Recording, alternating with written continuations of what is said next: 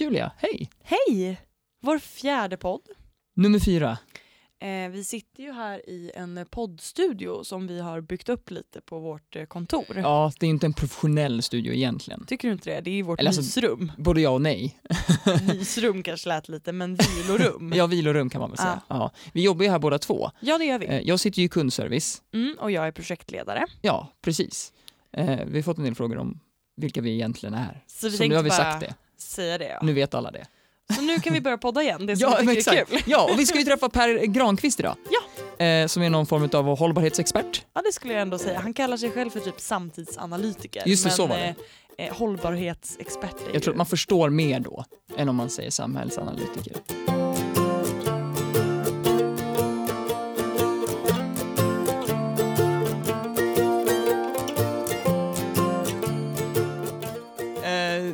Är lite av en hållbarhetsexpert, har jag Mm. förstått det som. Ja, det kan man nog säga. Eh, Vill du kort beskriva vad liksom hållbarhet är för dig? Hållbarhet för mig är ganska mycket sunt förnuft. Ehm, att det handlar om hur vi använder våra resurser. Om det handlar om människor eller om det handlar om eh, monetära resurser eller handlar om materia, materiella resurser så måste man ju använda det på ett smart sätt. Resurser kan man nämligen bara använda på två sätt. Det ena är smart och det andra är dumt hävdar jag ju. Och det stämmer i stort sett. Hur använder vi våra resurser idag? Ganska dumt väldigt många gånger men om man då kan liksom göra det så här enkelt, liksom, det är säkert någon lyssnare som tänker gud vad han förenklar nu. Ja, ja absolut, liksom, jag- tar den risken. Det funkar i så här 98% av fallen i alla fall. Är det så att du är tänt på toaletten när du kommer in där, ja då är det faktiskt bara dumt. Det ska vara släckt när ingen är där. Är det tänt på toaletten och det sitter någon, ja, då är du otrevlig. Men det är liksom, alltså det är, vi måste ta hållbarhet och göra det till något sånt enkelt. Det kan inte vara liksom vita medelålders män som pratar hållbarhet och pratar om att det är svårt och viktigt och termer och dig och dina barnbarn och sånt där. För det blir så här, oh shit vad mycket moral. Moral är svintråkigt. Moral är liksom att man klappar någon på huvudet eller hytten med ett finger och säger du måste bli mer moralisk. Det är alla bara Alltså du är inte min farsa så liksom, skit ner dig kommer man att säga. Så att man, man tröttnar på den typen av retorik. Man säger, visste du att man kan göra så här? Det är smartare. Ja det känns ju kul. Så att smart är liksom ett bättre sätt att, att approchera hållbarhetsämnet tycker jag än att liksom bara gå in och tala om att det är följande som gäller och så borde vi si och planetära gränser. Det är forskning som är viktig och bra att förstå men sen måste man kunna släppa det och ta det till sig. Vad är, kan jag göra då? För på tal om begrepp och sådär, Mm. eh, så har jag läst att du kallar dig själv för samtidsanalytiker. Mm. Vad betyder det? Ja, det är väl någon som funderar väldigt mycket på vad som händer i samtiden och försöker sätta det i någon slags kontext. Att försöka förstå varför händer det? Varför är vi, hur engagemang idag, hur ser det ut? Och hur har det förändrats sen förr och hur har det förändrats, hur kan man tro om det framåt? Och vad väcker engagemang idag? Varför är vi så mycket på sociala medier? Vad kan det göra för vårt som sätt och vår självbild? Eller, alltså vet jag, man, frågor som dyker upp som jag bara mm, undrar, undrar vad det där grejen handlar om egentligen. Då är man någon slags samtidsanalytiker. Och då har jag ägnat mig framförallt åt två av våra tids stora frågor som är just hållbarhet och SNOX engagemang. Som vad som väcker personligt engagemang hos människor och hur man kan se till att de fortsätter vara engagerade och som får folk att liksom lacka ur och de, Vad tror du då att det är som gör folk engagerade? att de känner att de, får, att de får någonting ut av det. Det är bara det. Att man, man blir engagerad för man känner att ja, men jag fick ju någonting ut av det här och det är inga problem med det. Förr i Sverige var det såhär, ah, nej, men engagemang, det måste vara altruistiskt, alltså du ska få eh, det ska inte, du ska inte få några fördelar av det själv eller du ska till och med liksom förlora på det. Det är en sann altruist liksom, enligt hårda definitioner. Men man vill få ut någonting av det. Men jag köper som kaffe och jag känner att jag fick ut någonting av det. För jag köpte som Fairtrade med kaffe såklart. Um, och något annat vore dumt säger jag som är ordförande i Fairtrade. Men, men man känner att jag gör någonting och så får jag någonting tillbaka. Jag är volontär. Jag liksom har varit volontär i, i scouterna och varit så mentor. Och så är man ute och snackar och går promenader. Och jag får, ja just det, så kan man tänka nu. Och så får jag ju massor med grejer tillbaka av det. Och då fortsätter mitt engagemang. För motsatsen är ju enkelt. Ja men Jättebra Julia, du ska få engagera dig i det här. Nu ska du få bestämma, komma med dina tankar om hur det ska se ut, vi ska ha för kaffe här på kontoret, hur vi ska göra i kafferummet. Ja, så håller du på med det jättemycket. Och sen så, ah, tack snälla för dina tankar och så händer ingenting. Då blir du oengagerad. Du känner att du inte fick något ut av det, fick ingenting tillbaka, ingen lyssnade på dig. Då blev det liksom bara varmluft.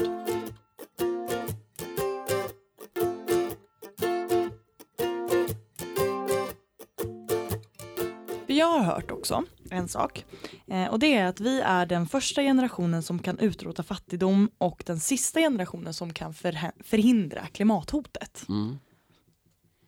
Vad fint. Vad ska vi göra då? Det känns ju liksom som att vi har väldigt mycket press på oss. Ja, och då vill man ju liksom, när man känner sig jättemycket press och man måste göra jättebra, då vill man ju liksom Känner man när man går upp på morgonen så vill man ju också egentligen bara gå tillbaka och lägga sig och så drar man täcket över dörren. Jag hoppas att det där löser sig på något sätt. Man liksom, utan vi måste bryta ner det i liksom, okej okay, jag kan inte utrota, utrota fattigdomen men jag kanske kan göra små saker. Jag kanske kan liksom bidra till några saker. Det kan handla om vilka val jag gör i butiken jag köper. Kan det bidra till liksom att utrota fattigdom? Kan jag ge hjälp till självhjälp? Kan jag göra det? Vi i Sverige är ju lite storsvenska så att vi tycker att vi är bättre än många andra länder. Och det är en självbild som sattes på 30-talet och som fortfarande lever kvar. Vi tycker att vi är lite renligare än alla andra, vi är fredligare än alla andra. Så. Och därför så tänker vi att men fattigdom det är någon annanstans. Men fattigdomen, nu sitter vi här i Sundbyberg, som fattigdomen finns ju mindre än en kilometer härifrån. Det sitter fattiga människor på gatan här utanför med liksom, som solkiga 7-Eleven muggar. Vi måste också ta tag i det här. I mina hemtrakter, liksom, jag menar, så finns det också, jag menar, du har ju Rosengård, där finns det också fattigdom. Rosengård är ju ett av Sveriges fattigaste områden. Eh, och det heter um, Herrgården tror jag, Rosengård som är absolut fattigast i hela Sverige vad kan vi göra där? Det behöver inte innebära att vi ska åka till Afrika och säga hello, jag är från Sweden och vi kan mer från here to here to help you. Utan vi får åka till liksom, vi får åka till herrgården och säga hallå ja, så, hur kan jag göra här, någonting här? Och vad kan vi göra? Och fattigdom och de här stora frågorna, eh, vi måste bryta ner det i små, små bitar och så äter vi dem så. Man brukar säga det här som på engelska i alla fall att ska man äta en elefant så äter, måste man äta en bit i taget nu förstår vi att det är ett gammalt ordspråk för det känns ju inte så superfräscht att säga att man ska äta en elefant men ni hajar ju ändå vad jag menar. Um, och vi måste bryta ner det. Då kan man säga oj, apropå engagemang, oj nu har vi liksom, okej okay, vi kör med den här liknelsen då, men nu har jag ätit upp elefantens svans i alla fall. Ja, fan vad bra. Ja, det gjorde kanske lite skillnad, det känns bra i magen. Och sen kan man ta nästa bit av elefanten och äta upp den. Som inte bara säger, ja men gud vi har ju 90% kvar av liksom elefanten. Utan vi får också som fira de där små segrarna. Åh, nu är vi på rätt väg. Det vill jag slå ett slag för att liksom fira mer. Fan vad bra vi gör liksom. Fan vad bra att inte jag har bil längre. Det är ju jättebra. Liksom. Um, sen ska jag inte säga, åh vad dum du är som har två bilar. Utan jag kan säga, jag har gjort det valet. Och då kan jag försöka vara en förebild i det. Mm. Känner du att du har någon specifik fråga som du brinner liksom extra mycket för så att säga? Eh, eller är det hållbarhet i stort? Eh, med både fattigdom och klimathot och allt på en gång? Eller är det någonting som du känner lite mer? Jag är väldigt um, förtjust att prata om mångfald och jämställdhet. Och det är ju mycket för att jag är, representerar ett problem i form av att jag är liksom vit medelålders man och heter Per Granqvist och några sådana behövs vi absolut inte ha fler av i några, några sammanhang alls faktiskt. Um, men däremot behöver ju folk med liksom andra som bakgrunder, andra språk, annat kön, annat utgångspunkt. Och eftersom då, problemet är, det blir mitt problem, jag representerar en grupp som har låtsats som att vi, eller som är normen. Så att när vi säger någonting, men så här ska det vara, så tänker folk, ja men så är det normen. Om Julia säger exakt samma sak, då blir det så här, ja det säger hon nog bara för hon är kvinna. Kanske lite bitter är hon också. Och så börjar man tolka så här. För hon är minoritet. Kvinnor är ju en minoritet, de är bara 51 procent eller något sånt i Sverige. um, och sen har vi de här människorna som är födda utomlands. De heter ju så konstiga saker så de kan man ju inte göra. De är ju liksom det är 22 procent i Sverige som helhet som har idag utlandsfödda. Och då har man antingen född själv utomlands eller man har två föräldrar som är födda utomlands. I, snittet i Sverige är det eh, 22 procent enligt mm, 2014 års siffror tror jag. I Norrland är det 10 procent. Och i Stockholm är det 30 procent. Och i Malmö är det 40 procent. Så när jag är i Malmö så jag, som jag möter ju världen, världen tar plats, världen syns liksom. Jag var på Starbucks där alldeles nyligen och då insåg jag att jag var den jag var, den enda som satt och pratade svenska. Att det, jag pratade i telefon. Men alla andra runt omkring pratade, pratade alla möjliga andra språk. Men ingen hade väska med sig. Alltså de var inte på väg därifrån eller resan. De bodde ju där eller jobbade ju där. Och det är ju coolt som fan. Um, hur kan vi ta nytta på det? Handelsbankens kundservice ligger i Malmö. Varför det? För att det är där man kan flest språk i Sverige. Så det är klart att liksom, det är bra de i Malmö, då som routar man in dem där. Och då gör man en fördel av det som faktiskt är, men det är en resurs vi har som vi ska använda bättre.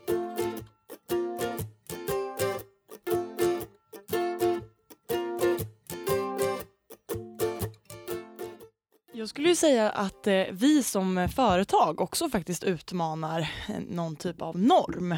Vi är ju ett, eh, ett företag som vilket som helst egentligen men väljer att göra någonting annat med eh, våra pengar. Mm. Eh, så jag skulle vilja prata lite om det och välgörenhet. Mm. Hur ser du på det? Nej men ni är ju snälla får man ju säga. Det är liksom att er, er eh, nisch. Eh, vi har alla andra elbolag och eh, hej, här är vi snälla. Um, och uh, gulligt logo och sådär. Um, men jag tycker det är viktigt att poängtera det som att ibland så gör vi ett eh, mentalt felskär när vi tänker att ja men det är viktigt att man är snäll. Det, det, är ointressant. Alltså vad, vi måste vara väldigt tydliga med det. Att liksom, det spelar ingen roll hur snäll du är som företag. Om du inte tjänar pengar är det ändå kört. Och det är ju viktigt, lika viktigt för er nu som tar ni vinsten och så delar ni ut den. Ja, men om ni inte är duktiga på att vara företagare då får ni, finns det ingenting att dela ut. Alltså är det liksom en dålig business. Ni kan inte bara säga, men vi är snälla. Ja, elen kommer då och då, men liksom, fan vad snälla vi är. Liksom, ja, det skiter jag i, för bara för att brädan är kall. Um, så det måste finnas ett grundkrav. ibland i Sverige säger ja, men om man bara är snäll, om jag bara gör den här tröjan och det är eko, reko, bomull och allting. Liksom. Ja, men om den är liksom dålig kvalitet så kommer jag inte vilja ha den. Så Det måste finnas en grundkrav man måste uppfylla. Sen är det ju så att välgörenhet har alltid varit ett problematiskt ord i Sverige. Ja, för I folkrörelsen har det varit så att man välgörenhet, det är inte det här engelska göra väl, charity. Det är inte som, inte så, vi utan tänker ja, det är från de rikas bord, de som smulorna man gör det. Om jag då ger liksom, Filip som här för att jag tycker synd om honom så tänker jag men jag tycker synd om honom, jag är för mer än honom och då blir det en nivåskillnad. Men det är människa till människa här, du verkar behöva det och liksom det är ju svinjobbigt att be någon om pengar såklart. Så värdighet har alltid varit liksom lite jobbigt i Sverige ur det perspektivet, inte minst i ideella sektorn. Sen så ur ett ekonomiskt perspektiv så är det ju helt koko. Därför att om du nu har tjänat ihop pengar och ska vi ge bort dem välgörenhetsföretag, det är ju helt idiotiskt. För det är ju slöseri med företagets pengar. Men att däremot ge bort en del av vinsten, det är det då liksom inte. Eh, om vi fortsätter fokusera lite på välgörenhet Mm. eh, och kanske organisationernas eh, perspektiv lite grann. Mm.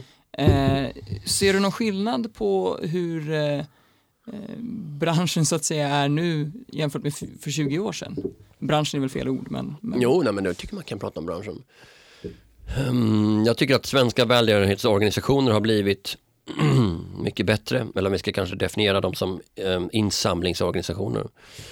Um, att de samlar in pengar, att de har blivit bättre. Förr var det mycket mer ge oss pengar och vi har en så himla fin logo och därför så ska ni vara sjukt tacksamma att ni får sätta den här pandan på ert paket kex eller vad det kan vara. Men idag så förstår de att det handlar mycket mer om ett samarbete. Att om de kan hjälpa moderlaget att bli mer framgångsrikt så kommer de också få mer pengar och att det liksom inte bara blir ett avlatsbrev. För det känns som innan var så, ja men okej. Men ja, jag mm, tycker väldigt mycket om Landchips och jag tycker mycket om SOS Barnbyar men deras samarbete har jag fan aldrig fattat liksom. Köp chipspåsar så här, SOS Barnbyar. Och jag vet nu att det som det har att göra med intern stolthet och som sånt. Men varför på förpackningen? Jag fattar inte det. Medan när mm, Sempers barnmat har skänkt pengar till Rädda Barnen. Okej, det fattar jag. Det behöver jag inte en powerpoint på. Rädda Barnen, vi gillar barnen båda. Okej, typ. Så det måste finnas ett utbyte liksom. Man, man måste förstå varför leker Mm. de här ihop. Så det inte bara känns som att det är cyniskt utan någon tänker att, jag menar jag jag har ju som säkert lyssnarna också vet varit kritisk mot Rosa bandet i olika omgångar för att det har blivit så här, ah, du kan köpa Veleda Quickmop eller du kan köpa något annat, för det är rosa. Man bara men ni försöker kränga fler Veleda Quickmop, det är det ni försöker göra, eller fler Wrigley's tuggummin eller något annat helt dumt. Alltså Men är det verkligen fel då om det betyder att det ger pengar till någonting? bra? Jag tycker att det är fel om man inte kan förklara varför. Om Wrigley säger så här, ja men det är väldigt många kvinnor som har eh, cancer och det är väldigt många kvinnor som tuggar våra tuggummin och alltså. Men jag behöver ha den där hjälpen. Annars så misstänker jag företaget för att bara, men de, oh, Rosa bandet, ja men vi, fan det är säkert jättebra, vi hoppar på det. Men om vi, om vi leker med tanken att här finns det rosa toapapper och det, det är liksom går till, till rosa bandet. Mm. Eh, och så eh, säljs ju de mycket mer då för att folk tänker ja men det är bra med Mm. liksom att, att bekämpa cancer. Mm. Eh, så då får ju rosa bandet mer pengar Mm. in eh, och företaget går bättre. Mm. Så både de får ut något av det och konsumenten kanske känner sig duktig som Mm. väljer rosa toapapper. Eh, Varför hatar jag ändå det menar du? ja, precis. Nej, men jag bara tänker så här, är inte det en bra god cirkel på något sätt? Jo, det är en bra god cirkel men eh, hållbarhet handlar ju någonstans om hur man använder resurser. Och då har företaget lagt resurser på att göra toapappret rosa. Alltså jag kommer, min kritik är från ett företagsekonomiskt perspektiv. Företaget har lagt det här på att göra toapappret rosa. Kunderna köper det, men man säger ingenting till kunderna för att det är ett jättebra tillfälle att säga vi på toapappersföretaget. För oss är det så här viktigt därför att många av våra kunder är kvinnor eller att vi har själv blivit drabbade av cancer. Vi jobbar, förutom att hålla på den här grejen, så ser vi också till att alla anställda får gå på mammografi. Alla som har någon som blivit drabbad av cancer får omedelbart hjälp av liksom kuratorer eller psykologer. Vi har det, hela det här programmet. Då känns det som att det är genomtänkt snällt och inte bara opportunistiskt snällt. Det ska vara mer genuint liksom. Det sätt, känns som genuint, annars kommer någon annan och säger ja, men vi är också toapapperstillverkare och vi, eh, vi skänker 1,25 per toapappersrulle. Och då är de här som bara skänker en spänn, då kanske de är stekta. Så egentligen blir du lite arg på att toapappersföretaget inte tar sin chans. Det kan man säga, det är helt enkelt eh, slöseri med resurser. Att inte har man nu satsat tid och pengar och tänkt snällt. Ja men förklara varför. Och det är ju som att alla i Sverige drabbas ju av cancer, antingen själv eller vi har någon anhörig. Det är ju liksom stora bilden. Och sen så har många bröstcancer, några har prostatacancer, några har tusen andra läskiga cancersorter.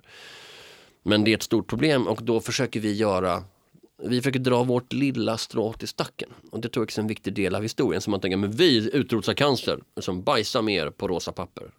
Den storyn känns farfetched. Men om man säger så här, men vi, vi försöker göra det vi kan, det här är vårt lilla strå. Då sätter man sig själv i perspektiv. Och jag som är då sån som gillar att försöka förstå samtiden och sätta saker i perspektiv. Det är hela tiden det jag kan liksom tycka, men sätt i perspektiv. Vi gör den här lilla grejen. Det är helt okej. Liksom. Vi har på Statoil, vi har valt att ha Fairtrade med kaffe. Liksom. Det kommer inte att rädda världen. Men det blir i alla fall någonting litet. Alla kan inte göra allt men alla kan göra något som ni vet att man säger. Så det är liksom det, är en, det jag vill liksom få ut. Um, och det är det jag vill efter. Ska det liksom kunna kopplas hållbarheten och koppla ihop med lönsamheten. På sikt måste man göra den kopplingen. Annars blir det bara en engångshändelse och så de anställda bara Du, vi sponsrar inte vi den där grejen. Vad handlade det om? Ingen aning, säger de bara. Och så går man vidare. Men för om vi tänker också då så här att vi vill att eh, eh, alltså ingen kan göra allt men alla kan göra något. Mm. Hur ska vi då få folk att göra bra val? Som sagt vi är ju ändå den sista generationen som kan göra någonting åt klimatfrågan. Om vi inte pratar om hållbarheten bakom hur ska vi då få folk att göra bra val? Genom att få dem att förstå att liksom, eh, ja det finns en stor fråga, folk är inte eh, omedvetna om klimatfrågan, så då har man ju bott i en garderob. Men om de, de som inte bott i garderob, de kan ju då tänka så här, men genom att göra, eh, att välja el som är bra miljöval, ja då tar minskar lite min påverkan. Ja men det är ju jättebra, ju fler som hejar dig liksom. Fan, go with it liksom. Men det, och, då, och det kan vara räcka. Och då ska vi hylla dem för det. Och sen så när de känner, fan det där blir man lite hyllad för. Ja, då vill man gå vidare, vill man göra nästa sak. Så det är liksom små steg och vi ska hylla varandra för de små stegen. Och gud vad bra och vad duktig du är som cyklar till jobbet istället för att ta bilen. Allt det här som vi har hållit på och som varit lite töntigt och lite modernt i olika omgångar sedan 70-talet. Liksom. Det, allt det är bra. Um, och så ska vi bara vara snälla mot varandra. Inte säga, ja, det där spelar ingen roll. Och, eh, allt återvinningsglas går ändå i samma. Liksom, så, men fan vilken tråkig människa du är då tänker jag. Liksom. Ja, titta i, på sopbilarna. De har ju flera fack. Liksom. Så undersök först hur det ligger till och sen kan så folk gnälla och ha synpunkt på det. Men kom inte gnäll på imaginära fakta. Liksom. Då kan jag ju tycka att det är jävligt mycket orcher i svensk politik. Då tycker ni jag bara är galen. Liksom. Det är inte fakta. Men det är många som kör den typen av argument. Vi måste ju hålla oss till vad är det vi ser framför oss. Okej, vad tycker vi om det? Och då är det okej att välja ekomjölk och bara göra det. Och så kör du ett år. Sen kanske du får liksom lite feeling och så kör du ekogrädde också nästa år. Det är också bra. Liksom. Vi ska inte ägna oss åt att liksom peka på de som inte gör tillräckligt utan få, peka på de som gör bra. Och då kommer man att man vill ju vara en förebild. Vi vill liksom gnäll inte på folk i onödan utan bara säga det är ju roligt att göra bra. Och då vill ju fler göra roligt. Så att det är kass att göra dåligt, det, det leder inte till förändring.